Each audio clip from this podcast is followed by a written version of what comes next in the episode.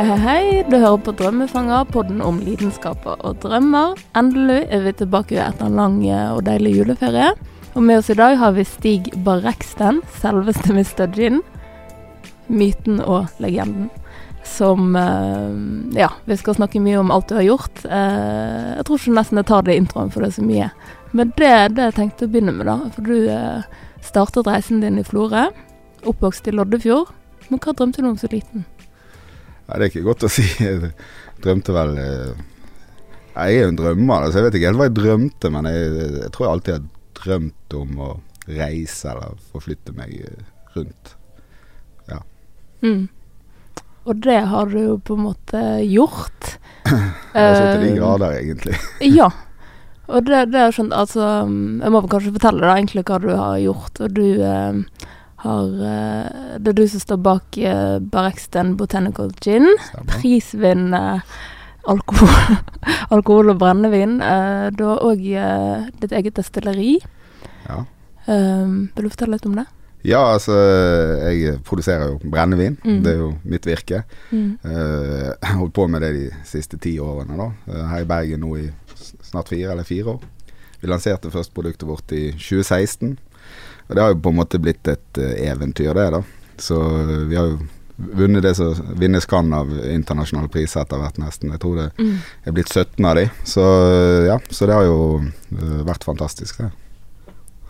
Uh, du startet jo, eller hvis jeg har forstått det riktig, da, så startet Altså du har drevet med boksing. Ja, Og via boksing så er det veldig kort vei inn i utelivet. Stemmer. Bergen er jo en liten by. Mm. Så um, da endte du opp som dørvakt, var det det? Eh, ja. Først. Og så, eh, på en eller annen måte, så kom du bak baren. ja da. Og da var du norgesmester der òg. Ja da, det ba- baller på seg, det. Allerede i 2002 og 2003 var det da du vant NM i Ja, bartending. 2003 i hvert fall. Ja. Ja. Men, men hvordan, ja, hvordan startet det egentlig med, med al Nei, altså- alkohol, da? For at det, Alkohol, det, ja, du sa jo det egentlig der. Det begynte, det Mm. begynte jo med at uh, jeg, jeg begynte å bokse. i- og på en måte jeg, jeg har jo litt sånn tendens til å bli besatt av de tingene jeg holder på med. da Så, så jeg pleier å prøve å strekke det så, så langt som overhodet mulig. Men eh, akkurat gjennom boksingen så var jo det, var jo det, det at man trengte jo fritid, holdt jeg på å si, til å trene, da. Eh, og veien er jo ofte kort fra, fra, fra boksemiljøet, og gjerne som dørvakt eller garderobe eller hva det skulle være. Så, og den bokseklubben jeg jobba for, den hadde vakthold på, et, på verftet den gangen, og da ble jo veien enda kortere. Og da balla det på seg til alt fra dørvakt til vaktmester, lyd, holdt på med det Mm. meste egentlig som var der. og bestemte meg eh, på et eller annet tidspunkt å, å komme ut av, av eh, Bergen. Bergen ble på en måte i, i den fasen av livet litt for lite, eller sånn jeg hadde lyst til å oppleve noe annet. Og den gangen her så var det ikke så vanlig å flytte ut, og gjerne for å studere eller noe sånt. Men jeg bestemte Mm. meg egentlig for å flytte.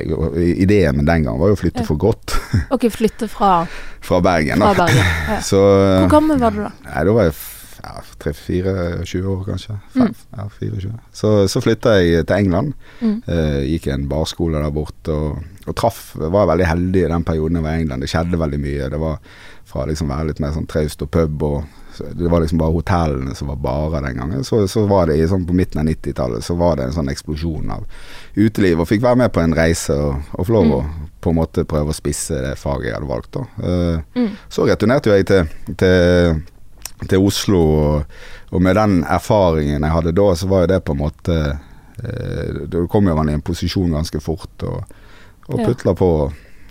Men hadde du da liksom tatt uh, et aktivt valg, da? At dette var det du skulle satse på? Altså bar, uh, uteliv, Ja, altså, det, det, på det tidspunktet så tenkte jeg at jeg hadde lyst til å bli den bartenderen som skulle kunne jobbe med det til jeg ble pensjonist. For jeg, jeg var så imponert. Jeg elsker hotellbarer. Jeg, jeg er så imponert når jeg møter Mm.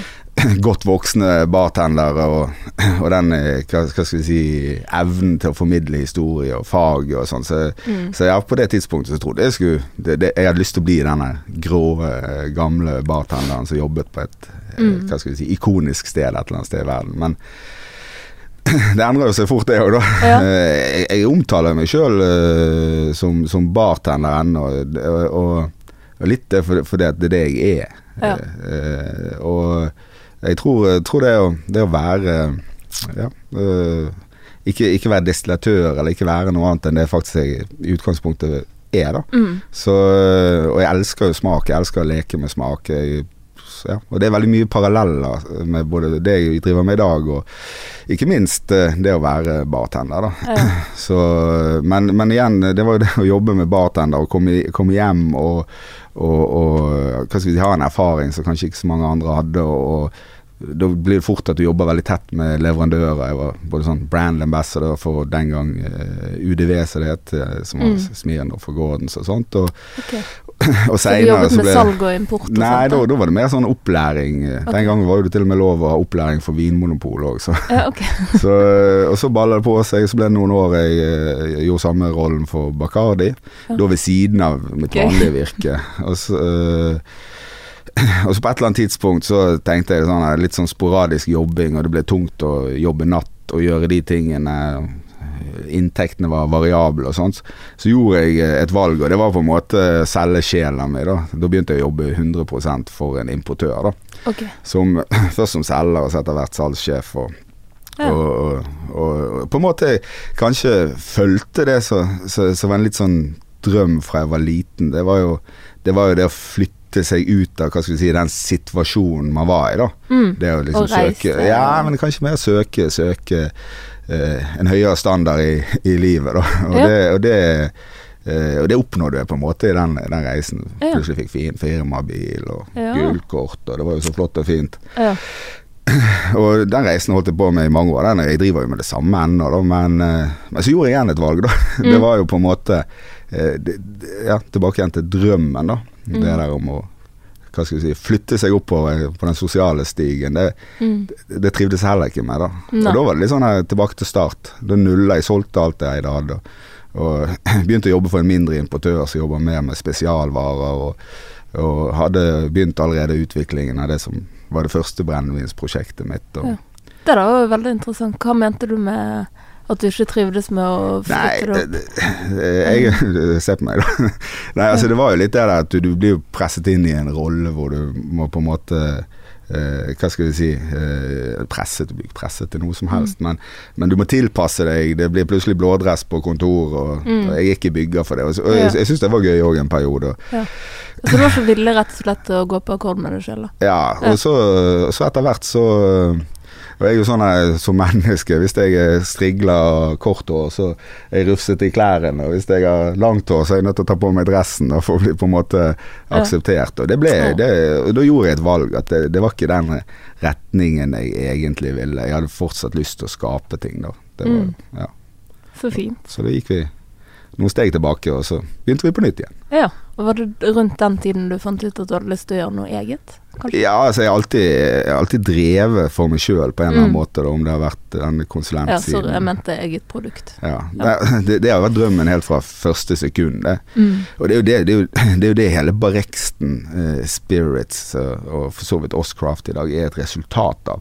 Det er jo den samlete erfaringen over eh, lang tid. Da. Jeg tror ikke jeg kunne begynt Jeg er ikke det mennesket som kunne sagt for 20 år siden at nei, jeg skal lage sprit og det skal bli sånn og sånn. Jeg tror eh, rett og slett eh, det å først forstå den kommersielle siden knyttet til det har vært eh, Mm. viktig. Forstå ikke minst bartendernes behov og hvordan de skal bruke det. Og hva, hva, hva kanskje som mangler Mm. uh, i en kategori, og, og hva skal vi si, utvikle tydelige egne Mm. meninger om hva som er bra eller dårlig.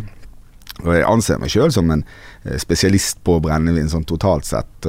Gin er på en måte kommet inn litt seinere. Det, det er ikke det som har vært min store lidenskap når det kommer til brennevin opp igjennom. Så, så jeg tror eh, Det var en kollega av meg som spurte meg liksom, hva, hva, hva er greia med Eller, eller hvorfor? For jeg er på en måte er ganske god på å forutse hva som skjer, og hvordan markedet eh, responderer på ting. Og, og, mm. da, da husker jeg da var svaret mitt Jeg tror det er summen av hva skal vi si alle erfaringene. da Som går litt sånn på kryss og tvers, men alltid har vært innen det faget jeg holder på med. da Mm.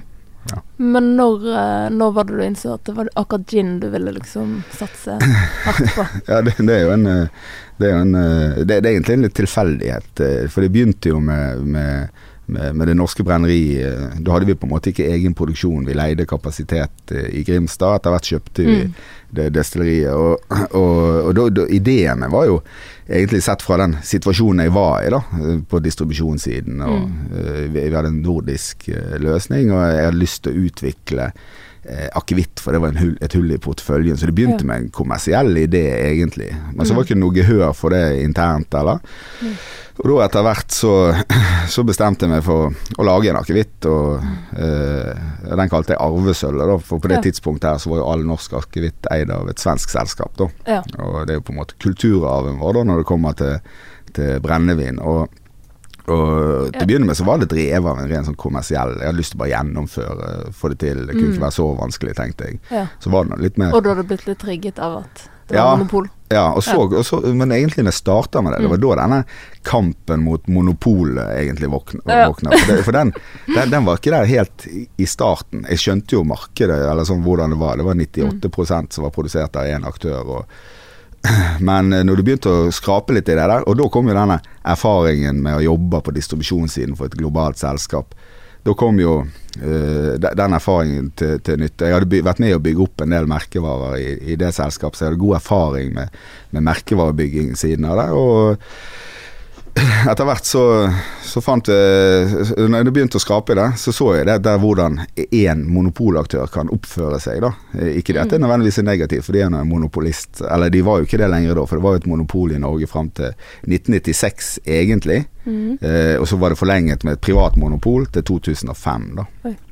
Og eh, så, så selvfølgelig, de, de agerte jo selvfølgelig med å være den dominerende eh, aktøren i markedet. Da. Men, men det å komme inn i det markedet, det var jo det som var så overrasket meg, egentlig. For jeg trodde det skulle være eh, Med å jobbe med brennevin, som sagt største deler av mitt voksne liv, så trodde jo jeg at, at det å lage brennevin, det skulle kunne Altså det å lage et lokalt nytt produkt, mm. som vi hadde sett med gin eh, på samme tidspunkt i resten av verden, det skulle jo fatte en interesse. Mens jeg opplevde det heller motsatt. Jeg følte jo heller jeg tråkket norsk kulturarv på tærne mer enn at vi tilførte noe. Mm.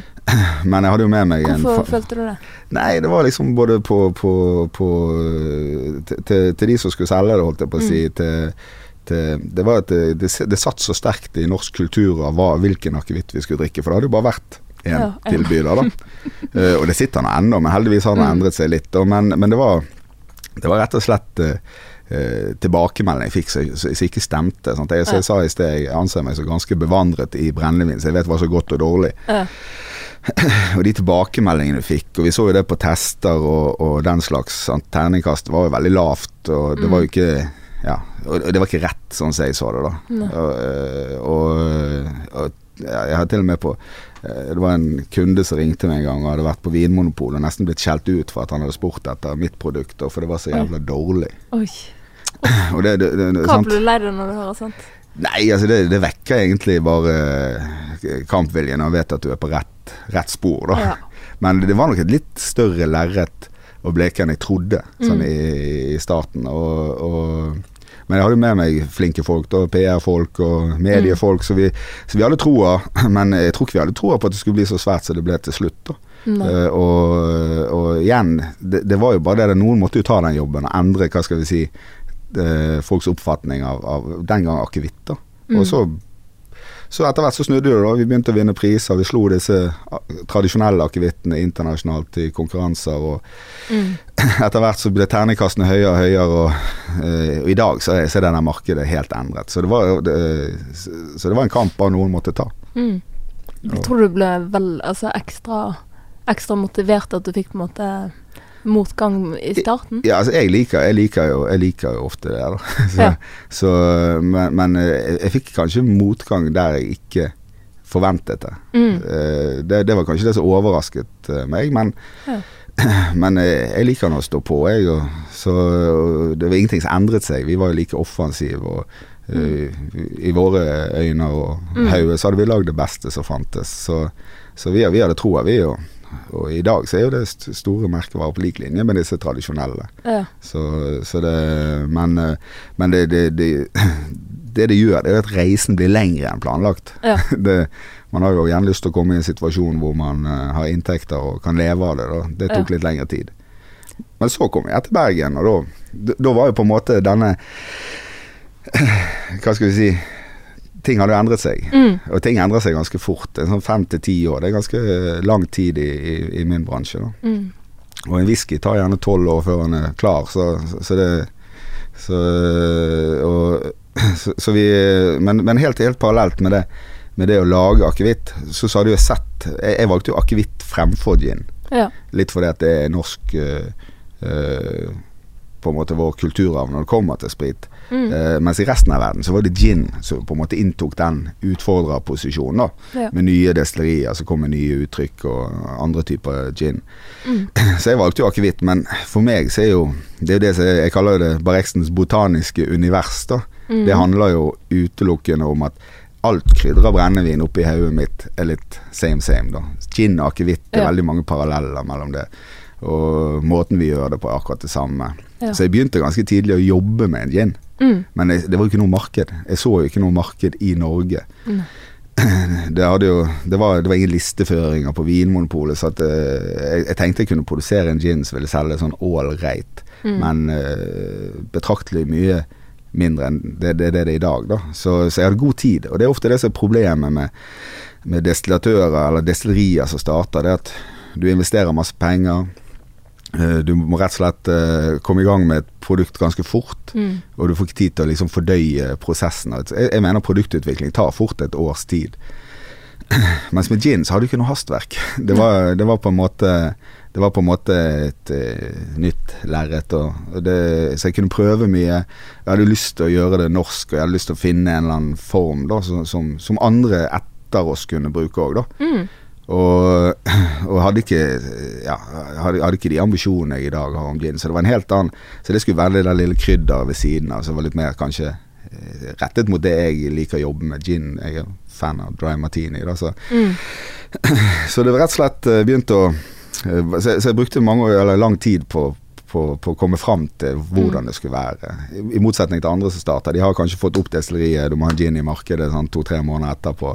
Ja. Så her kunne jeg putle, jeg kunne lage, jeg kunne teste det på bartenderkompiser, naboen eller Ja. folk flest. Og vi kunne diskutere det internt, og så kunne vi gjøre endringer, og så kunne vi holde på sånn i lang tid. Holdt på i ja, altfor lang tid, Ja, egentlig. hvor lang tid vil du si du har Nei, brukt altså, på det, det, det tok eh, fra, fra første destillasjon hjemme på kjøkkenbenken til, til, eh, til vi kom i mål, så, så, så tok det kanskje et par år Mm. til, til jeg hadde en gin, da. Ja. Og når Eh, var lanseringen? Altså, det, det er jo ikke bare reksten dette var jo Harahorn gin som var litt Ja, tidligere. Okay. Så, eh, og så har jeg egentlig bare fortsatt i samme sporet da, i noen år til, Ja. og utviklet det som så ble, ble reksten da. Ja. Og den har jo hatt utrolig stor suksess, som du sa, i utlandet. sant? Er den tilgjengelig i 35 land? Ja, 36, 37. 36 nå. Ja, det har si. økt Smått, smått og stort. Ja, så du kan Eh. si det, det var jo litt uh, ideen. Eh, forskjellen når, vi startet her i Bergen, så var jo på en måte den posisjonen som vi hadde skapt uh, i, Grimstad, den var jo på en måte tatt, da. Mm. Uh, så, så når vi skulle lansere produkter her, så var jo eksport på en måte litt ideen, da. Når vi holdt på i Grimstad, så begynte vi med en mer sånn eh, nasjonal plan først, med litt Mm. sånn ambisjoner om eksport. Mens her så gikk vi på en måte rett på eh, verden, og, Ja. og, fordi at den, den posisjonen var på en måte allerede tatt, og så, Ja. og så Og det føltes helt realistisk? ja da, det, for jeg, jeg trodde akkurat når det kom til gin, da. Det var jo ikke Mm. det at når vi starta her at gin heller skulle bli den store greien. Vi driver jo med det meste innen brennevin. Vi Mm. lager jo akevitt. eh, Vi begynte ganske tidlig med det, for det, Mm. det var jo det sporet jeg var i. Mm. Eh, vi, vi begynte med whisky, rom, så vi lager på en måte fruktbrennevin, altså fra epler, fra Mm. danger til plommer, pærer osv. Så, videre. så vi driver jo med det meste. Så vi gikk jo ut som en sånn, både sånn produksjonsmessig med å prøve å utvikle produkter i alle kategorier. Og, men gin, den hadde jo Da hadde jo jeg vunnet noen priser for denne ginen jeg hadde lagd før, så jeg visste jo at det sporet der var, var bra, så jeg hadde lyst til å fortsette på, på gin. Og, og, og, og jobba mye med å hva skal vi si, finne, finne en sånn tydelig signatur på hva det skulle være. Mm. Jeg pleier alltid å si en fot godt planta i tradisjon, og så en fot i, i, i, i, i mer sånn, en mer dansefot, eller leken side. Ja, da. Okay. Så, så, så det er viktig for meg at alle produktene mine er veldig sånn tradisjonelle sånn i ryggraden. Da. Og, og det, det, det er rett og slett uh, hele konseptet. Så jeg måtte lage et produkt som hadde alle de egenskapene som er tradisjonell gin. Og det var det jeg liksom lette etter. Finne hvordan skal jeg kunne gjøre det, og gjøre det annerledes. Så ja. Hva kom du fram til, da? Eller Nei, hva det- inneholder Jeg, jeg jobber jo mye med, med, Hva med signatur, Hvis du sier liksom? basisen til gin er veldig tradisjonell. mm. Erke sånn britisk stil. Til å begynne med, når jeg lagde første gin, så begynte jeg først å strippe det helt for alt som var eksotisk. Og så etter hvert skjønte jeg at uh, jeg var nødt til å lage en god gin, og så heller prøve å sette et sånn nordisk preg på det etterpå. da. Og, og, og da ble det for meg naturlig. Jeg lager tankekart. Jeg, lager, jeg, jeg, jeg er jo ikke faglig utdannet enn det jeg holder på med, så jeg eh, tegner produktene. Mm. Jeg har små barn, de er vant til sånn tankekart. da. Mm. Og Det er en veldig fin måte å jobbe på. Så gir produktene mine alle egenskapene det skal ha. Ja. Og så inni der, det er den innerste sirkelen. og Det blir til slutt et slags sånn kakediagram som forteller mm. meg hvor mye disse egenskapene gitt skal bety. Ja. Og, og, og, hvis jeg har talent, da, så er det liksom å ta det fra den eh, det kakediagrammet og inn i en resept og inn i produksjon. da. Mm. Uh, og som oftest blir det bedre enn jeg hadde tenkt. så uh, og, det var, og, da, og, da, ble det mye Jeg skulle liksom ha fruktighet, jeg, jeg er glad i villbær. Jeg har lyst til liksom, hva er spesielt med, med, Norden og Norge, da? Og så mm. prøvde jeg å tilføre de egenskapene. Så ga de meg eh, andre ting enn jeg forventet, og det, det, var det på en måte som mm. følte var det som ble produktet. De, de egenskapene disse ingrediensene hadde seg når jeg skulle destillere, trodde skulle bli noe helt annerledes. Eh, fruktig sånn blåbær skulle bli liksom, tenk om blåbærsyltetøy, da. Men det ble mer mm. sånn lyng og skog. Ja. Og da, falt alt på plass, og så gønna det på. Jeg var, jeg var, jeg var helt sikker mm. på at uh, Første gang vi destillerte den ginen på det store apparatet på destilleriet, så mm. testa jeg. Da var jeg helt sikker på at uh, dette produktet er mm. helt uh, i verdensklasse.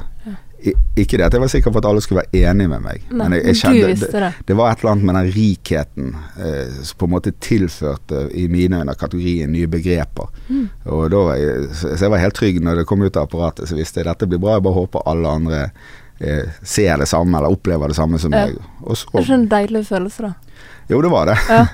du, du, føler jo du er i mål, da. Men mm. du er jo ikke det. Da. Jeg vet jo Det er jo det som kanskje er der folk feiler i, i, i, vår bransje sånn globalt, jeg skal ikke si nasjonalt, for det er ikke så mange av oss, mm. det er det at når man kommer i mål, så tror man man er i mål, da. Men egentlig, det er jo der det, er der det starter. da. Og det er jo det Her begynte for oss vi 2017 var jo på en måte Hva skal vi si eh, Forløsningen for hele prosjektet og den tiden og alt jeg har gjort egentlig hele mitt liv, da. Og det, det vi så, var jo det begynte i januar. Jeg, jeg, må jo bare berømme alle de som har investert i det. For det, det å tro på en sånn ganske vag uh, idé, da. Altså at folk har ambisjoner om å bygge et destilleri som skal bli flott og fint, og alle tror det gjelder lett å komme mm. fram til noe. Den, den, følte jeg på til å begynne med. Jeg var jo ikke helt sikker på at det var kursen, uh, om dette var her jeg kom til å bli. For vi hadde mm. jo på en måte ingenting, da. Mm. Og så, uh, men med, hva skal vi si med, med positive aksjonærer og hva skal vi si, folk som har gjort store ting før, som liksom vet det må begynne et sted, da. Mm. Så, eh, så gønner vi på. Det begynte i januar 2017 at jeg fikk en mail en, eller en tekstmelding av en kollega som sier Har du sett dette? Det var en svær artikkel i noe som heter International Wine and Spirit Report. Mm. Hvor det var liksom sånn Trendwatch-type, eh, og, og, og de og det var liksom rangert hva som skulle bli det store i 2017. Og nordisk drikke da skulle være, være punkt nummer ni, tror jeg, i denne trendwatchen. Okay. Og the trending product, det var jo da Barexten Botanical Spirits i mm. sin sånn generelle form, da. Hvordan føltes det å lese det?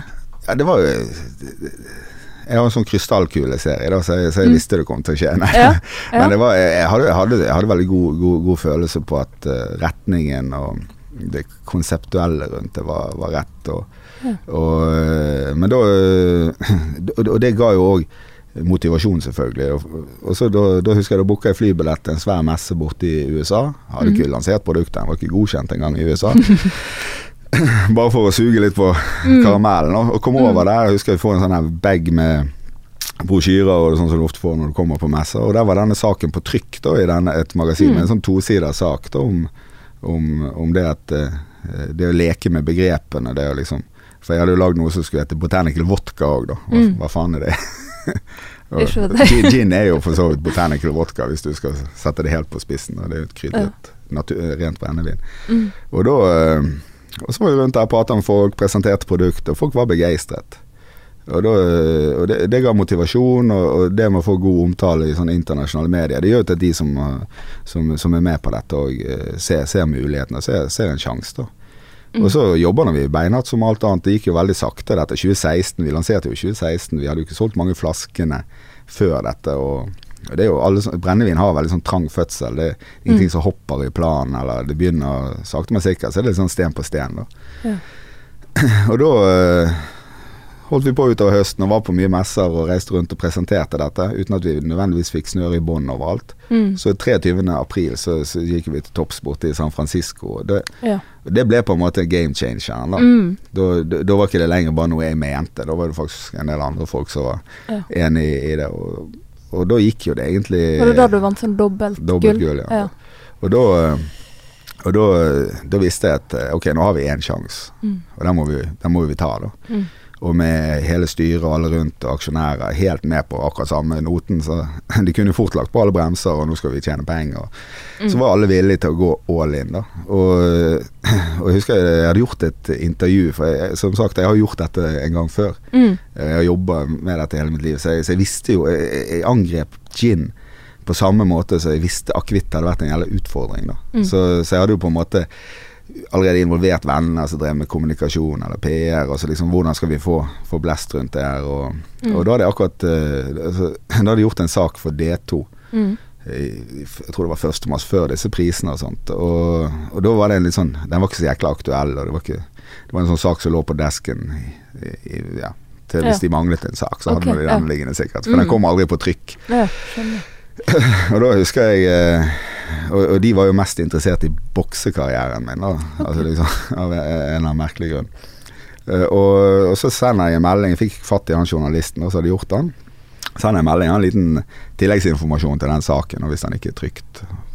Og da, eh, og da endret jo alt seg, sant. Så, da, så som saken ble nok den samme, men ingressen ble noe helt annet. Da. Mm. Og da, og det gikk jo selvfølgelig fra selge eh, holdt på å si peanøtter til, til at det begynte å ligne noe. Og, og så jeg, jeg sa til en eh, kollega hadde, hadde dette vært planlagt, så hadde jo ikke jeg drevet med sprit. Da hadde jeg drevet med markedsstrategi. Og, for da hoppet jo det fra det ene til det andre. Pga. dette arbeidet som hadde vært gjort når Mm. ikke vi solgte. Ja. Og da sant, og det ble jo noe TV i NRK og Dagsrevy, og det ble jo mye løye. Så hele sommeren ble jeg jo ekstremt eksponert, eller produktet ekstremt eksponert. Og så, så var det en test i D2 samme året, på seinsommeren. Og da gikk vi helt til topps av absolutt alle genene tilgjengelig i Norge. Og det var liksom den forløsningen. Det var da volumene kom. Mm, og, og siden det så har det strengt tatt vært et uh, eventyr. Men er det da du begynner å merke, liksom, når du er rundt om på barer i verden og i Norge, at ja, ok, da står jo din alkohol Ja i hylle, liksom? Nå skal det være sagt, vi jobber jo på, på, på, på nåværende tidspunkt først og fremst med spesialiststeder eller Ja. cocktailbarer til eh, spesialbutikker. Det, er- det er ikke Mm. sånn du finner Man ser det jo rundt omkring. Ja da, men du finner det liksom ikke på supermarkedet. Nei, eller- nei, nei. nei, nei det. Og det er jo der vi er i dag, da. Eh, Men det er jo igjen, vi, helt til å begynne med så angrep vi hele, hele verden samtidig, da. Mm. Det var jo ikke sånn at å, vi tar Sverige og England og USA, eller Vi bestemte oss for, eller jeg bestemte meg for, eh, at vi går ekstremt rett ut. Jeg bruker begrepet blekksprut, og vi prøver bare å møte alle. Vi reiste i alle markedene hvor vi så et potensial, alle messer som var Fikk inn folk som kunne hjelpe meg med eksport, og, og bestemte meg for å gå all in hele verden Mm. i en smell. Eh, og det er jo Ideen min var jo det at da sitter vi kanskje igjen med fire-fem marked Mm. som virker. Og det er jo det vi gjør i dag, istedenfor at vi nå skulle tatt den kampen. Så nå har vi på en måte kommunisert produktet vårt overalt, og så, Mm. så er vi tilgjengelig, smått og stort i så godt som hele verden. Og Mm. så har vi fire-fem marked som går ekstremt bra, da. Hvor er du aller, aller mest fornøyd med å være tilgjengelig, holdt jeg på å si? Ja, det, det er veldig enkelt, egentlig. Det, Mm. jeg, jeg, jeg nevnte så vidt i sted at jeg har en hobby, og den heter dry martini. Mm. Altså så lenge, så lenge Siden jeg flytta til England, så har jeg oppsøkt ikoniske steder Mm. for å drikke dry martini. -hmm. Og da, gjør det egentlig svaret jævlig enkelt. Det er The Jukes Bar på The Duke Hotel. Mm. Så er kanskje det mest ikoniske stedet å sitte og nyte en dry martini. Mm. Og der kan jeg drikke min egen. Ja, hvordan føles det? Ja, med tanke på eh, Der og da så er jo det ekstremt bra, da. Ja, jeg føler at den var utrolig eh, surrealistisk. Eh, og men det som er det verste, er kanskje etterpå. Ja. De to siste gangene jeg ikke huska taxituren hjem engang. For det, de serverer jo det er Her er ikke noe vann, altså. Det er ren iskald gin. Full på sin egen sprit. Så, så her, er- her, her er det 12,5 centiliter ren gin. Mm. Og når, som vanlig gjest så får du to, Mm. eller blir servert to ganger hvis du vil. Stamgjester får gjerne tre, Mm. og de to siste gangene så har jeg røket på en fire-fem. Og det, Ja. da er det så, så det, det er ikke snakk om klokka tre om natta, for å si det sånn. Nei, dagtid. Det er sånn gjerne klokka åtte på kvelden. Uff, men da føler jeg at eh, drømmen må jo bli veldig tydelig når du på en måte kan eh, se noe som på en måte bare var en tanke, plutselig står der i hyllen på favoritthotellet ditt, og du kan drikke det, og det er ditt, og du har skapt det, på en måte. Det må være utrolig Ja, om det, eh, tilfredsstillende, da. om det bare var en tanke, er jeg ikke så sikker på, da. Men, Nei, men, at det eh, starter men- jo men, på eh, tankestadiet, at man får en idé ofte, sant, om noe man Helt vil klart, gjøre. og det, det, er jo, det er jo det som så- så- så er fascinerende med hele denne reisen her. Det, det er jo det at det, det, det finnes 7000 tilbydere av akkurat det jeg holder på med i Europa. Mm. Det å få, uh, få lov å hva skal vi si, karre seg inn i den øvre biten av denne kaken, da er jo fantastisk. For det om det på en måte ikke henger sammen med volumene, men, uh, men vi, vi, vi er i dag tilgjengelig på, på et utall av de beste, beste barene i verden. og Uh, og ikke minst sånne ikoniske steder som uh, The Jukes, og ikke minst Mm. Connaught, uh, som er vel så eh, flott hotell. Og, Mm. og det Senest nå jeg var i London her rett før jul, og ble alltid dra i en sånn julebordeksil og jobbe i London i Mm. desember. Og, og var på ærverdige Savoy og drakk eh, en cocktail basert på akevitten. Så det er jo å se på menyen der, og det er jo, det er jo For bartenderen, da, Stig Mm. Barreksten, og, og for så vidt for produktutvikleren, så er jo det Mm. et eventyr, da. Ja. Men det lå på, har jo utrolig mye å gjøre, virker det som. Men det lurer på hvor hands on er du på en måte på uh, utviklingen og sant, ut- jobben til dagen med Ja, det, det, produktet det, ditt? det ligger jo i kortene her at, eh, Mm. at ikke det er 100% Men så er det Mm. noe sånn at uh, jeg jobber ikke fra ni til fire. Det, det er 365 dager i året, og det er fra morgen til, til natt Mm. hver dag. Så, det er aldri fri. Så det er aldri, aldri fri. Så hva skal vi si på produktutviklingen, så det, det er jo det jeg har vært heldig med her i Bergen. Jeg har ekstremt flinke folk eh, med. Mm. Eh, Det vil si at jeg trenger ikke være like hands on. Jeg er trygg på at vi kan kommunisere Vi kan til og med drive med produktutvikling på telefon nesten, sant? og komme i Mm. hvert fall i gang med prosjekter. Eh, Men til syvende og sist så er, så jeg ganske hands on når det kommer til selve produktet, ja. Mm. Det, det, det, det, det, det som var tanken her, hvis vi skrur, skrur eh, Når det gjelder akkurat gin, det, var jo, det skulle ikke bli så svært uh, som det er. Det var Mm. ikke, jeg hadde lagd, vi hadde lagd andre produkter som skulle være denne kioskvelteren. da. Mm. Uh, om vi hadde lagd de, er jeg ikke så sikker på, men i hvert fall lagde ideen og designet Mm. og, og det skulle være Helt i starten så var det på en måte min sånn ego-greie oppi det hele. Det skulle liksom Mm. være liten produksjon, det skulle være lite Eller det skulle være globalt på akkurat samme Mm. måte som det er i dag, men det skulle være denne nisjegreiene som ikke skulle Og det skulle være kostbart, og jeg skulle plukke alt sjøl, og det skulle ikke Ja. Eh, Det var jo ting som selvfølgelig måtte legges til side på et eller annet tidspunkt. Men jeg prøver fremdeles å bruke sommerhalvåret på, på, på, på, på jobbe veldig sånn med, med den baksiden av produktet. Samle, samle tingen og Ja. ja, for du er ute og plukker sjøl. Ja da. Det er Det- veldig imponerende. Målet mitt er jo er å gjøre alt sjøl, og forhåpentligvis når vi kommer et steg til på, på stigen og det begynner å bli en, noe lønnsomt eh, rundt dette her, så, så er jo målet mitt å drive med det. Det, var det, Mm. det er jo det som på en måte er eh, hele ideen min fra begynnelsen av. Det var jo å være tett, tett på å, å drive med den siden. Ikke nødvendigvis drive med det jeg gjør i dag, som er den mer kommersielle siden, men det var jo det å faktisk eh, Mm. Ja. Jeg liker å bruke ting jeg tråkker på. Ja. Det er ikke noen sånn sære ting jeg bruker, men jeg bruker ting jeg har rundt meg, og, Ja. og viser at det går an å bruke det. Hvor eksempel går du for å plukke i bergensområdet? det, det, det, det kan være alt fra rundt destilleriet til Så oppsøker jeg masse gamle bosetninger. I hvert fall sånn på nyere produktutvikling, Mm. hvis jeg skal lage nye produkter. Jeg lagde en gin i sommer som jeg kalte Mørket. Mm. Og da, da var jo ideen min å bruke ferske ting da, som vokste akkurat den dagen jeg, jeg skulle destillere. Da. Okay. Og, og, og da, da, da er det liksom en kamp mot klokken og en del ting som er veldig sånn essensielt, er kanskje ikke klart, og en del ting er kanskje forbi eh, sesongen sin. Mm. Da blir det fort gamle bosetninger. Da brukte jeg en del rundt Lysekloster, og, Mm. eh, hvor det ble plantet ting tidligere som har spredd seg. Og, og så Botanisk hage òg er jo veldig fint, for der har de klart å samle det meste på ett sted. Så Mm. der gikk jeg på slang. Det gir mening. Botanisk hage.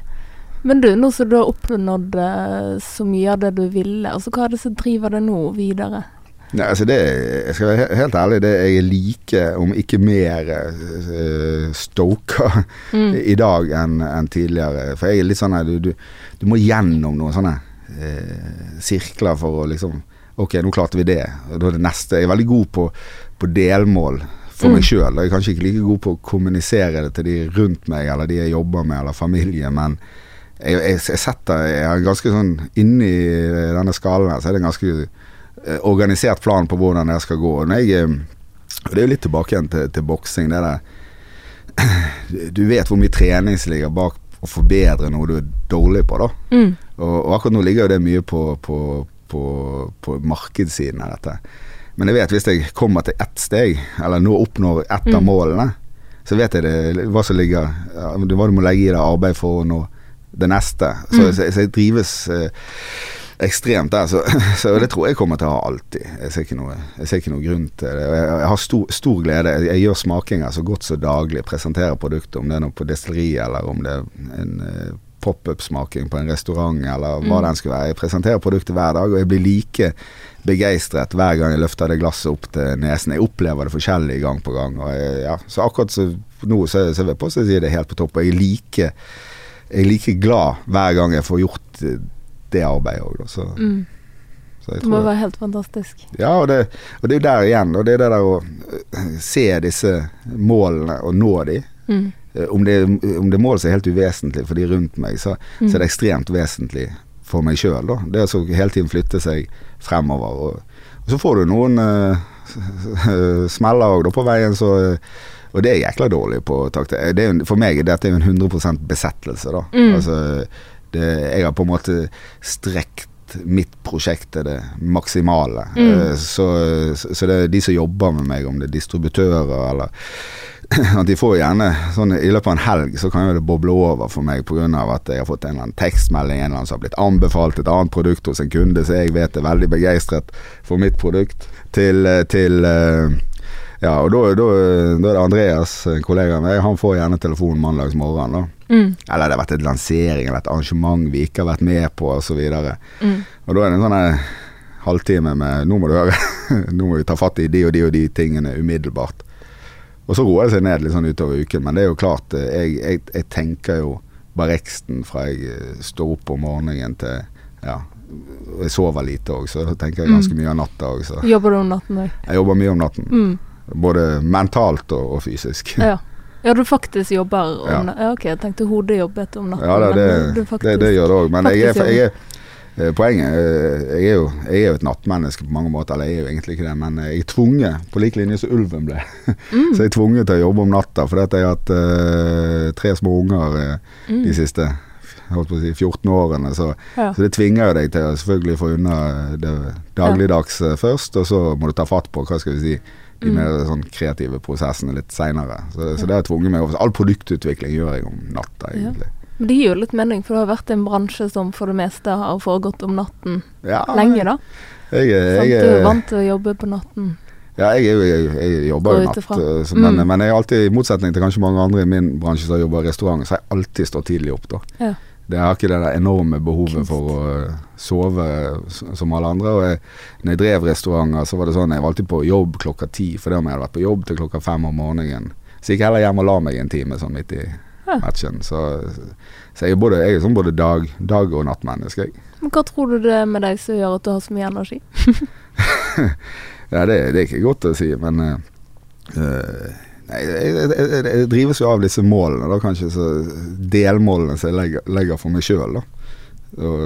Hvis du har et tydelig mål, hvis ikke du tenker på hva skal vi si målstreken hele tiden, men fokuserer på hva som ligger rett foran deg, da, og prøver Mm. å nå det, så tror jeg du- blir høy på eget prosjekt hvis du oppnår det du ønsker, da. Mm. Og det, det, jeg tror det er fort gjort, og spesielt i idretten. Og satt og så på hopp, hopp her om dagen, hvor, eh, hvor så, lenge han ikke, så lenge man ikke tenker på seiersballen, liksom, så, så klarer man kanskje å prestere. Og jeg tror, jeg tror det er det som driver meg. Da. Det er at eh, jeg lager disse hva skal vi si, små humpene i veien for meg sjøl. Og så når jeg de, og når jeg har nådd de, så, så er det en uh, tilfredsstillelse. Så setter du deg neste og neste og neste. Og, så. Hm. og da klarer du å holde, holde energinivået oppe. For det har aldri vært drevet av eh, økonomi eller Klart jeg har en drøm om Mm. Jeg bruker jo begreper som verdensherredømme. Jeg liker jo store, store, store ord, da. Ja. Så, men, men igjen, det, det er så langt der framme da, Mm. at jeg klarer ikke å fokusere på det. Så, så det er heller det der at, at puben på hjørnet selger det, eller at eh, jeg oppnår et ny, nytt marked som jeg kanskje har hatt lyst til, eller ja. Mm. Hvis du tenker på Stig eh, 23, da, som eh, var på vei til å flytte og alt dette her, tror du han, eh, hvis han så det i dag, ville trodd på at han kom til å komme dit? Ja, det, det, det, det, jeg, Kanskje ikke i den bransjen jeg holder på med, men jeg, Mm. tror han hadde, jeg tror han hadde trodd på, på, på at det, skulle gått eh, bra, man skulle funnet på Ja. noe løye. For det, Så bra. jeg er jo en dagdrømmer, eh, så, så jeg har hatt mye, mye drømmer. Men det, der har jeg feila kanskje på de fleste prosjektene. Mm. Men, men helt klart, eh, helt klart at eh, Stig han hadde troa på seg sjøl. Tror du det har vært viktig for Ja, jeg tror det. Jeg tror, jeg tror det. Du, du er nødt til å Jeg har jo valgt smale øh, hva skal vi si, stier, da. Eller sånn. Mm. Ikke at bartending er så smalt, da, men jeg drev nå med boksing, som er en veldig individuell øh, ting. Jeg har aldri vært god i noen andre idretter. Øh, jeg har aldri hatt noe interesse for noen andre idretter. Nei. Og jeg er heller ikke interessert i boksing, Nei, ok. men jeg er interessert i egne prestasjoner. jeg, eh, eh, på samme måte så, eh, så begynte jeg som bartender. Jobba der jeg tjente minst, fordi jeg følte utfordringen var størst. Mm. Eh, etter hvert som jeg begynte å åpne serveringssteder og sånt, så har jeg hele tiden tenkt jeg har lyst til å tilføre noe. Det er helt meningsløst å være for Stig i hvert fall. Ja. Å være hvis det ikke er tilførende, hvis ikke du er med på å skape noen endringer eller få, få ting i bevegelse. Da. Så for heller noen andre, kanskje I mitt tilfelle så er det kanskje mange andre som har gjort butikken på det, men, men, Mm. men for meg så har det vært det å samle, samle erfaring og ende opp der vi er i dag, da. Ja. Og det er du fornøyd med? Du trives der du er i dag? Ja, er abs absolutt. eh, men det er jo sikkert som alt annet. Alt, eh, akkurat nå eh, lever jo jeg på en måte drømmen min, da. Mm. Så, men det er ikke sikkert jeg lager sprit om ti år, da. Nei. Så jeg sa jeg har jo jeg er en dagdrømmer, så det kan jo være andre ting man drømmer om på et eller annet stadie i livet. Mm. Så, Men er ikke, du, du, er, du er nå involvert i litt uh, andre sine drømmer. og Driver ikke du med litt sånn co-producing av andre sin jo da, alkohol, for ja, da vi, eksempel? vi, har gjort det. Vi har gjort en del sånn ja. private eh, ting, og så noen samarbeidsprosjekter.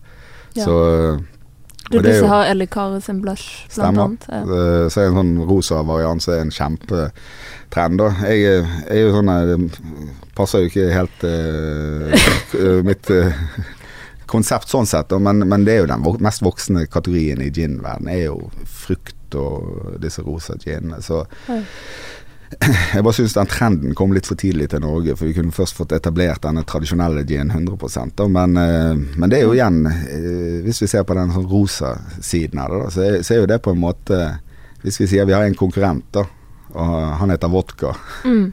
så er jo det på en måte denne vodka-killeren. Og, så- Mm. og så er det nå en gang, da. De fleste andre gin de er jo veldig like, uansett hvor forskjellige de er. Mm. Så oppleves nå gin eh, forholdsvis likt, da. Mm. Eh, og så har du da disse fruktvariantene, sant? så plutselig drar det i en helt annen retning. Så, så gjør det at nye konsumenter kaster seg på, på gin-trenden. Og det er jo ikke skyvende stol, det er jo en Ja. tydelig trend, da. ja, det skaper oppmerksomhet til gin, da, Ja, uansett. Så, så jeg skulle bare gjerne sett at det var 2020 eller 2021. Det, men, men nå vi, vi lager et par forskjellige sånne frukt, fruktvarianter. Da. Og de, okay. og de synes vi den ene selger mer enn den andre. Holdt jeg på å si. Den ene selger mer enn Barexen, men det er liksom pris og alkoholstyrke og en del andre ting som spiller inn. da. Ja. Så er det klart at denne fruktsiden den har et mye større nedslagsfelt enn kanskje den tradisjonelle gin akkurat nå. da. Mm. Når kanskje yngre konsumenter. Who knows. Noen mener kanskje det er feminint, da. Men jeg som bartender sånn, det trenger ikke være negativt. da. Nei, det, det er mange som er mener jeg lager er feminine produkter sånn generelt. Og Det er jo så flott, det. jeg er jo ikke Hva er feminint, egentlig? da? Jeg, Jeg er ikke helt sikker på om jeg skjønner hva folk mener når de sier det engang. Men, men det som er helt klart, så etter å ha jobba som bartender i nærmere 30 år, så, så vil jeg påstå å si at eh, eh, de fleste som har bestilt rosa drinker av meg opp gjennom tiden, er nå ofte menn, da. Ja, ok. Så, så litt, Ja, litt, av litt av den grunnen at menn generelt sett bestiller kanskje mer drinker enn en jenter som drikker vin eller osv. Så videre. så, Ja. Men, eh, men, eh, men eh, ja, jeg er sikker på det er en sånn 70-30-fordeling der. Ja, interessant. Det har jeg ikke visst. Men det, det spiller ingen rolle, egentlig. Nei, nei, nei. Det, Ja. Så lenge det er godt. Så lenge det er godt. Og det er jo det som det er drømmen, da. Mm. Det er, er jo eh, opplevelser. Mm. Altså det igjen for å ta, ta Barreksten Botanical Spirits, så er jo ikke det det, det, i- Hovedideen var jo ikke nødvendigvis å lage sprit. Mm. Ideen min var jo å sette navnet mitt på ting jeg syntes var bra. Mm. Det var jo der det begynte. Før, før jeg kom her til Bergen, det å lage Mm. Barreksten som et merkevare, det var jo det var jo rett og slett å lage en rettesnor i den jungelen av enormt mye produkter, og kanskje flaske ting som andre hadde produsert, og Ja. utvikle egne ting òg, kanskje, til, til å skape hele opplevelsen. Fra glass til ja, egentlig Mm. alt som uh, er knytta til, til å nyte alkohol. Da. Så du vil egentlig gi folk den gode opplevelsen? Det er det det handler om. Ja. Skape og ikke minst gi, da. Mm. Og Hvis du skal gi noen en god drinkopplevelse og uh, virkelig imponere med en drink, hva lager du da? jeg skulle ønske jeg kunne si dry martini, da. Ja. Men det er nå Den kan du si. Eh, altså hvis, det, hvis jeg har lyst til å vise produktet mitt på, fra sin beste side, så ville det vært dry martini. Jeg elsker å drikke ting fra det iskaldt, hvor det på en måte er lukket, og det er bare de fluktige aromaene, så tydelig sitrus og sånt, Mm. til at det blir romtemperert, og røtter og alle de andre tingene slår inn. Så jeg finner ekstremt eh, interessant sjøl, uansett Mm. brennevinsort. da. Men eh, som sagt, det er jo 46 dette her, så det er jo hard kost. da Så kanskje folk syns det er godt akkurat når det er iskaldt, men Men eh, hjemme, da. Jeg må snakke om hjemme. Det er ikke mye jeg drikker hjemme, da, i motsetning til sikkert folk flest. da Jeg eh, Mm. opplever jo det når jeg er ute og reiser, og eh, ikke minst her i Bergen. Mm. Men, men hjemme så lager jeg har min sånn perfekte serve. Det er appelsinskall i en gin tonic. Og gjerne litt okay. mindre tonic enn det folk flest bruker. Og mer gin. Ja, mer gin. uh, nei da, jeg, jeg tror det er å ikke bruke store mengder brennevin uansett uh, smart inn når du blander, for at Ja. Uh, da blir det for kraftig eller ubalansert. Men uh, så bruker jeg appelsinskall, og det har vært mitt sånn Mm. signature serve, da. Det er ikke det at det er helt unikt for Barreksen. Jeg mener at appelsin gjør ting, eller skal gjøre bitterhet Mm. eh, litt annerledes. Ja. Eh, altså sitrusskall. Og så er det masse appelsin i gin, og så er det en veldig positiv aroma. Så, så, en, Ja. så, så jeg syns det er en uh, flott måte å servere gin på generelt. Da. Men så kommer jeg til den der er hjemme, og har naboen på besøk. Mm. Så er det ganske s- Hvis jeg serverer ting, så begynner det i en rekkefølge. Det begynner Mm. gjerne med dry martini, og så går vi over i Negroni, som er begge to av mine favoritter. Mm. Negroni den er fin, for da drikker du litt sakte, den er litt bitter og sånn. Og mm. så kommer gin tonicen selvfølgelig til slutt. Ja. Og så er det da med appelsin, og så kanskje og så liker disse naboene å bli overraska med noe nytt innimellom. Mm. Og da har jeg en som alltid kommer i løpet av en servering, og det er gin tonic med koriander og cherrytomat. Et eller annet der som er helt uh, fantastisk. Og da blir alle like imponert. Og jeg syns det er superdigg sjøl òg, da. Få en litt sånn Bloody Mary-take på en gin tonic. Stilig. Er det mange som kommer til det fordi at de vil bli servert og drikke og presentert for nye ting og sånn? Uh, nei, men jeg, tror- jeg tror de som kommer til meg, regner med at det blir servert noe å drikke. Men Mm. jeg tror ikke de kommer fordi at Nei. jeg har å drikke. Ja. Men, uh, men hjemme hos meg så er det, det er jo ikke bare gin. Og jeg har uho- uhorvelige mengder med whisky og andre rare ting. Mm. Så, eh, så jeg har en whiskyklubb med en kamerat. da. Vi er to medlemmer, da. og eh, vi var jækla gode et par ganger på møter, og så etter hvert så har det bare vært 50 fremmøte, da, og det er bare meg, da. Ja. Så Du sitter alene. ja, og det, det er ikke bra, vet du. Du skal aldri drikke alene. Nei. Det er en sånn Men det er jo Er det da. stusslig, Ja. kanskje? Det, jeg mener at eh, det, det å nyte alkohol er en sosial ting. Og, Mm. så det, men, jeg, men igjen, som sagt, det er medlemsmøte, da. Så Mm. noen må jo stille. Ja. Men hvordan påvirker det forholdet man har til alkohol, å ha det som jobb? Det lurer jeg på. Ja, det er jo Du, du mister jo Hva skal vi si Du mister jo kanskje den uh, ideen om verdien av væsken, da. For når, jeg, når jeg jobber med sprit, så er det så er det vann, eller Det, det har jo ingen verdi. Nei. Så jeg tar jo meg sjøl i å kanskje være altfor raus til tider. Så hvis det kommer noen folk på besøk, eller noe sånt, så stapper jeg i dem et par flasker brennevin, eller sånn, så er det, det er plutselig varer. Jeg må jo kjøpe de på lik linje som alle andre sjøl. Det er jo avgifter og øh, Og så tenker jeg på det etterpå. Det var jo kanskje ikke helt smart det der, da. Så, for det er jo gjerne 1500 kroner i varer du har gitt vekk, da. Mm. Og da, når, du, når du har det forholdet til det, så klarer kanskje ikke folk å sette pris på det heller på samme måte, da. Mm. Så, Ja, for kanskje de tenker at du får det gratis. Ja, ja, ja. Sant. så, men der er det likt for alle. Ja. Avgift skal de ha. Avgift skal de ha. Mm. Nå skal vi til spalte. Vi har eh, en spalte her som heter En dag i livet til. Da har vi fått litt innblikk i livet til gjesten, og i dag er det da et innblikk i livet til Stig Barreksen. Så, når står du opp om morgenen? Ja, når jeg står opp er u- uvisst, men jeg, jeg er alltid i gang klokka ni. Imponerende. Alltid. Ja. Ja. Helg. Alt. Helg Ja, helg eh, Det, det, det er jo litt eh, Jeg er hjemme kanskje 30 dager i året, da. Ja. Uh, så de, de, de benytter jeg ofte til å uh, sove litt lenger. Mm. Men jeg er ute og reiser. Så uansett om jeg har vært på dans holdt jeg på å si til klokka fem om morgenen, så er jeg mest sannsynligvis i frokostsalen halv ni. Ja. Så, så sånn er mine dager. Det er kanskje det som kreves, altså, for å få ting til. Ja, jeg tror, jeg tror i, i min bransje, hvis ikke du har disiplin, Ja. så har du et problem. Og for å si det sånn, eh, de som jobber for meg, selger og sånt, de vet at klokken ni så får de en telefon av meg uansett. Mm.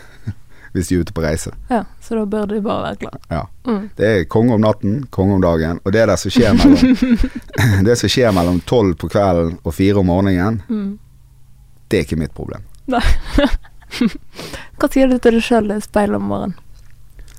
Nei, jeg sier ikke så mye. Jeg ser det der bystetrollet hver dag, så prøver jeg å rette opp i det. Mm. Men eh, altså, jeg, det, det har jo blitt litt kjedelig med årene, da. Mm. Siden jeg ser akkurat samme tryne hver dag. Mm. Du går til frisøren og klipper deg og Ja. sminker deg, eller med eller Mm. uten. Jeg ser samme jævla greie hver dag. Det har ikke endret seg på de siste seks-syv årene. Nei. Du beholder lengden og Ja, Klipper det, ikke? Ja, jeg klippet meg én gang i fjor, da. Det Ja. var første gang på ett og et halvt år. Ja. Tok jeg en sånn 20 cm. Men du har sett du har hatt kort òg, Ja, i perioder, sant? Ja? Jeg har det, men eh, det er jo det er jo tilbake igjen til det jeg sa helt i begynnelsen. Du må Mm. alltid tilpasse deg uh, ting. Og jeg tri- trives jo egentlig ikke med kort hår. Jeg har hatt langt hår størstedelen av livet mitt. Mm. Men sånn karrieremessig og militær og Ja. Og det at du, du, du lever konstant med det ytre presset på at du alle, Ja. Har du langt hår som gutt, så Mm. ønsker alle at du skal klippe deg. Av og Ja. til så gir du etter. Om det er foreldre eller Nå har jo ikke det lenger, men om det er foreldre eller kjæreste eller hva det skal være, så er det alltid en sånn ytre press om at alle som har langt hår skal klippe seg. Mm. Uh, og eh, for meg eh, det, det, det er jo det som er fantastisk med denne episoden her. At nå kan jeg få lov å se ut som et bustetroll. Og det er det Og alle syns det er greit. Ja. Ja. Eh, I, I motsetning til ja, tidligere arbeidsgiver eller tidligere arbeidssituasjoner man har vært i, hvor man har vært nødt til å tilpasse seg hele tiden. Mm. Blir håret for langt, så får du gjerne en kommentar om det fra direktør eller hva det skulle være. Men nå er det kanskje andre som må tilpasse seg det, da? Ja, det er jo Mm. det, men, men igjen, akkurat det der å, å, å- se ut som meg, det er, jo, det er jo rart med det, hvordan folk er skrudd sammen. da. Jeg, altså, ikke i denne episoden, men jeg har ikke tall på hvor mange ganger jeg har brukt eksempelet. Så er det sånn at jeg må klippe meg for at dere skal høre. Altså Mm. sånn at eh, Med en gang du er litt sånn rufsete, så, så, så, så Mm. stigmatiseres det ganske fort Ja. uh, til at ikke det ja, At ikke du har samme kraften. da. Og det, det, og det skal jeg bruke resten av livet mitt på å motarbeide. Veldig bra. Trenger at noen gjør det. Det gjør vi. Hvem er den første du ringer om morgenen? Eh, der, der skulle jo jeg sagt uh, hun som sitter hjemme, da. Ja. Kone, tenker du? Ja. Ja. Men uh, det, det, det begynner sjelden der. Jeg er litt sånn eh, jeg, jeg liker å være for meg sjøl om morgenen. Så det er for lite Hvis jeg våkner av sånn fem ubesvarte anrop, så eh, blir jeg stressa som bare det. Så jeg, jeg, så jeg liker ro. Og den som oftest første hvis jeg på, på I hvert fall hvis jeg våkner hjemme. For da, har noe, da får jeg ikke tråkke på noen der. Så er det da Andreas, eh, han som hjelper meg, eller som driver med distribusjonen. Ja. For, for det første bare for Jeg, jeg har litt sånne sjekkpunkter. Liksom, sånn, Åssen ligger det an, det an, det an? Mm. Og, og så er det hvis jeg da har opplevd noe som stresser meg, altså tatt nattesøvn, så er det det første jeg må få ut om morgenen.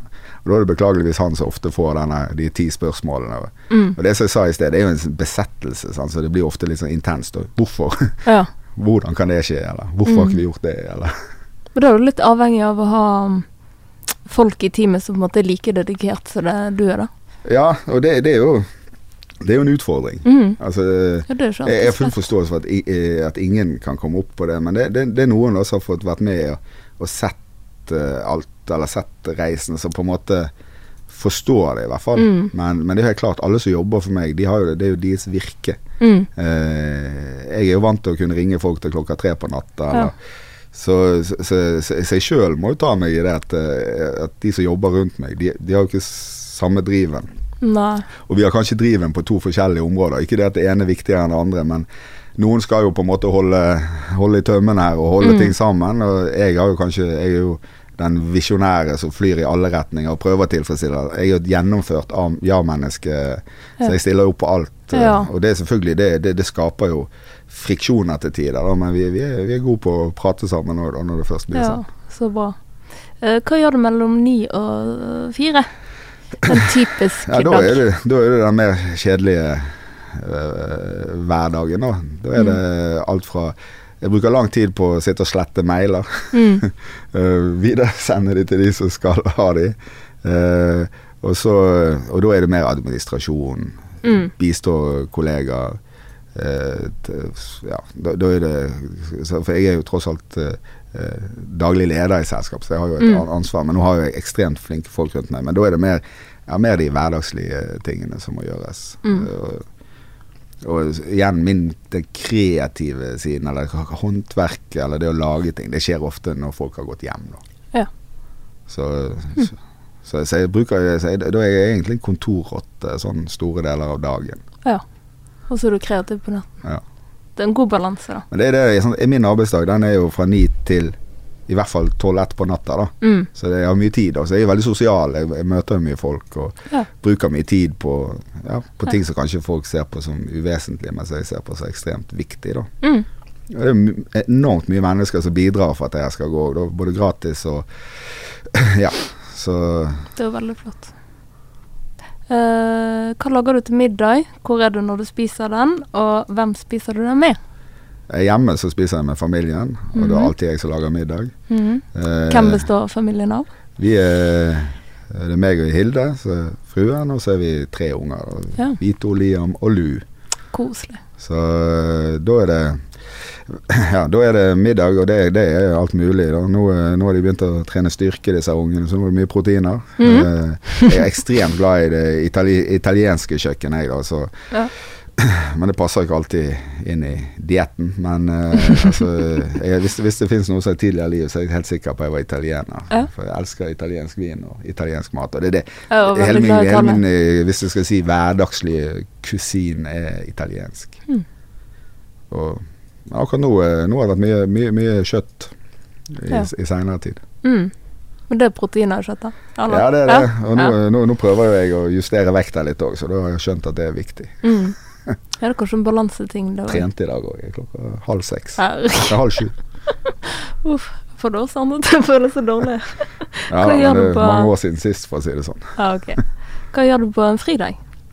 Det har ikke jeg Eller jo, øh, det har jeg Om det egentlig. skulle Altså, jeg, har, jeg har ikke jeg har ikke, altså, jeg har ikke fridager. Jeg har, ikke Ja. hatt fridager på ti år, eller jeg holdt på å si 47 av de, men eh, Nei, jeg putler med noe hele tiden. Sånn som Mm. nå, jeg hadde juleferie. For, første ferien min jeg fant, Denne julen her var helt fantastisk med at han traff litt sånn som han gjorde. Mm.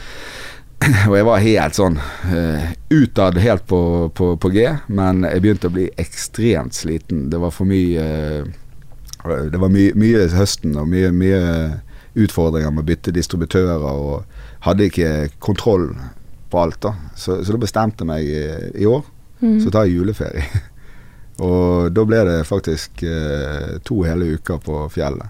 Deilig. Og, men ferie for meg, det blir jo ikke Så da var jeg ekstremt passiv. Da lå jeg på sofaen og så sjakk. Og spilte sjakk. Tapte ca. 30 slag med junior. vant én gang. Mm. Eh, og designet eh, en glasserie som jeg driver og skal lansere Oi. til sommeren. Da ble det jo jobbing. Ja, Da- men det ble sånn kos kosejobbing. Kreativt og streker. Det, det er fint. Eller det vil si at jeg måtte Deilig. involvere ungene mine òg, for de er mye bedre på å tegne enn meg. Da. Så jeg måtte sitte og ja, holde på. Så første ferie på veldig mange år. Ja, det, er det første Sånn for sommeren for meg, det sånn at da, da går det Da jobber jeg mindre. Mm. Men jeg har ikke ferie. Det er mye Nei. matfestivaler, mye sånne, sånne Mm. ting som skjer. Eh, jeg har hatt småbruk inne i Førde hvor vi prøver å være så mye vi kan. Mm. Men da blir det plukking, og det er mer hva skal vi si, alltid et lite apparat stående i kroken så vi kan putle på litt. Mm. Så, så, så det er jo jobb, men alt går sakte om sommeren. Altså liksom, i stedet, jeg valgte valgt, valgt istedenfor å ta ferie, så har jeg valgt heller bare å strekke det til en litt sånn lengre, roligere periode. Da. Ja. Og, Det er ikke dumt. Og så prøver jeg å hekte meg på det sånn et par dager i høstferien og et par Mm. dager i vinterferien. Mm. Og så har jeg tatt med nå de siste, så har jeg tatt med ungene, Ja. hele familien, da, når vi har vært ute. Og, altså Hvis Ja. jeg har vært i Italia eller i Spania i forbindelse inn i høstferien, og sånn, sånt, så har vi Mm. prøvd å ta en langhelg eller et eller annet. Ja, så de er med. Så de er litt involvert i år, da, på en måte. Ja da, det, det, dette er et eh, familieprosjekt, Mm. sånn sett. Gøy. Jeg tror alle, det det, det, det når, når ting peker litt sånn som de gjør Når du får en sånn mulighet, så må du ta den. Mm. Og da er det sånn da tror jeg eh, de rundt deg skjønner at det går ikke an å stoppe. Det, her må du være med og bidra der du kan, Mm. ellers eh, kjører du mot den sikre ja, Ja. blindvei. Mm. ja, man må jo på en måte støtte og være med. Mm. Absolutt. Ja. Eh, hvilke podcaster hører du på, hvis du gjør det? Nei, det eh, Nå spør du, spør du vanskelig. Jeg har hørt eh, to podkaster, jeg tror jeg. Og det er Alex Rosén. Mm. Var Ja, for da ble du med. Ja, men jeg har ikke hørt meg sjøl. jeg har hørt. begynnelsen. Men, men eh, i forbindelse med at jeg skulle finne han og dele han i en eller annen sammenheng, så begynte jeg Så så jeg det var ganske mye interessante folk som hadde vært der. Og da, Ja. Så den har jeg hørt et par ganger. Og så gjorde jeg en var podkast uh, for uh, noe som heter Trinkfeed. Drink. Så, eh, På engelsk. Nei da, det er en norsk eh, eh, Og i forbindelse med at jeg skulle på den, så hørte jeg et par episoder bare for å sette meg inn i hva det var for noe. Stille så egentlig to der du har medvirket, da. Ja. Stille. Det gir jo mening. Uh, hvilket lesestoff ligger og venter på nattbordet, hvis det gjør det? Nei, Nattbo er ikke det mye, men uh, jeg prøver Alltid før, før jeg legger meg, så prøver jeg å fylle på med kompetanse innen det jeg holder på med. da Mm. Prøver å orientere meg i, i hva som skjer. Eh, hvis jeg leser jeg, jeg, jeg er veldig dårlig på å lese, men leser faglige ting. Det, Mm. det, så, så igjen litt tilbake til at jeg har på en måte ingen utdannelse innen det jeg holder på med. Så, så da, da da er det mye å fylle på den, den delen. Mm. Så jeg, ikke, jeg er ekstremt dårlig på fagtermer og sånne ting, for jeg dikter opp navn på alt sjøl. Ja. Det gjør vel kanskje at produktet blir mer unikt, da? For at Ja. du følger liksom ikke mal? Ja, det, det, jeg, jeg føler jo det som er grunnen til at produktet er sånn. Det, det, er faktisk Mm. det å utfordre hva skal vi si, mer tradisjonelle teknikker. Det er, liksom, det, det er en støpeform. Det er ofte sånn Hvis du tar, tar gin, er én ting. Og hvis du tar gin, da, så, så, så er det sånn at det er et par universiteter som utdanner de som holder på med det. Mm. Enten kommer de fra et større, sånn, kanskje et av de ikoniske destilleriene i England, som Mm. har en eller annen form. Og når de da skal fortsette, så, så, så tilfører de gjerne noe nytt eller noe annerledes. Men liksom støpeformen det er den samme. Det samme Mm. utgangspunktet, samme teknikken. Så, så jeg tror det, det å faktisk uh, ikke ha den erfaringen, Mm. det å angripe det fra et litt annet eh, det, det, det, var det lille i, i dette tilfellet som skulle få til å være en tradisjonell gin eh, på alle mulige måter, Mm. men òg ekstremt annerledes. da. Mm. For hadde jeg fulgt den andre formen, så hadde det nok blitt veldig likt da, mye av det andre. Ja. Har du lyst til å dele noen av planene fremover? Ja, planer. Vi har mye, mye planer. Mm. Mange delmål her, de trenger jeg kanskje ikke dele, men, men eh, første Du skal jo dele det, det delmål. uh, Målet mitt første seks måneder i år, i hvert fall, Mm. eh, det, det er å lansere et par nye produkter. Mm. Det kommer Jeg jobber med en serie med nye produkter. Jeg vet Ja. ikke om det engang blir Barexten en gang. Men jeg Ok. jobber eh, med en serie produkter som jeg eh, har lyst til å eh, lansere. Mm. Prøve å finne en eller annen form på det. Jeg begynte i sommer og tok opp en del sånne gamle prosjekter som jeg jobber med, og prøvde å ferdigstille de da. Mm. Så jeg har, jeg har fire-fem produkter som er på en måte ferdig klar til å gjennomføre. Og så lanserer jeg Så begynte jeg Jeg, jeg, lagde, jeg lagde jo Mørket, som jeg nevnte i sted, Mm. som ble destillert 21. juni, når Mhm. sola snudde. Og det vil jeg fortsette med å Hva skal vi si eh, feire disse solperiodene, da. Ja. Så jeg destillerte en gin 22. desember òg. ja. Hadde det noe fysisk å si for gin, eller mer symbolsk? Jeg tror ikke det er noe fysisk å si, men eh, symbolsk har jo det alt å si. ja. ja. Det tenker jeg, da. Så jeg har gjort det litt sånn motsatt. Jeg lager mørke om sommeren og lys om vinteren. Ja. Så, så det vil jeg fortsette med hvert år. Der, der finnes det ingen oppskrifter. Mm. Jeg lager ut ifra en umiddelbar idé. Basisoppskriften er den samme som på det andre. Og så tilfører jeg bare den umiddelbare ideen jeg har, eller det tankekartet jeg kom fram til. Mm. Og så får du bære eller briste. Og så blir det da 1000 flasker eller altså. Spennende. Da gleder vi oss til å se hva disse produktene er. Uh, det finner vi vel ut på Facebook-siden din. Ja, det, den er jo internasjonal, men det Ja. er både Facebook og Instagram. Brexton uh, Gin og Mm. Brexton Spirits. Yes. Da anbefaler alle å følge med der, og følg gjerne også Drømmefanger på Facebook. Det kommer mye kjekt framover. Og tusen, tusen takk for at du ville komme, Stig. Takk selv. Yes. Tull ut!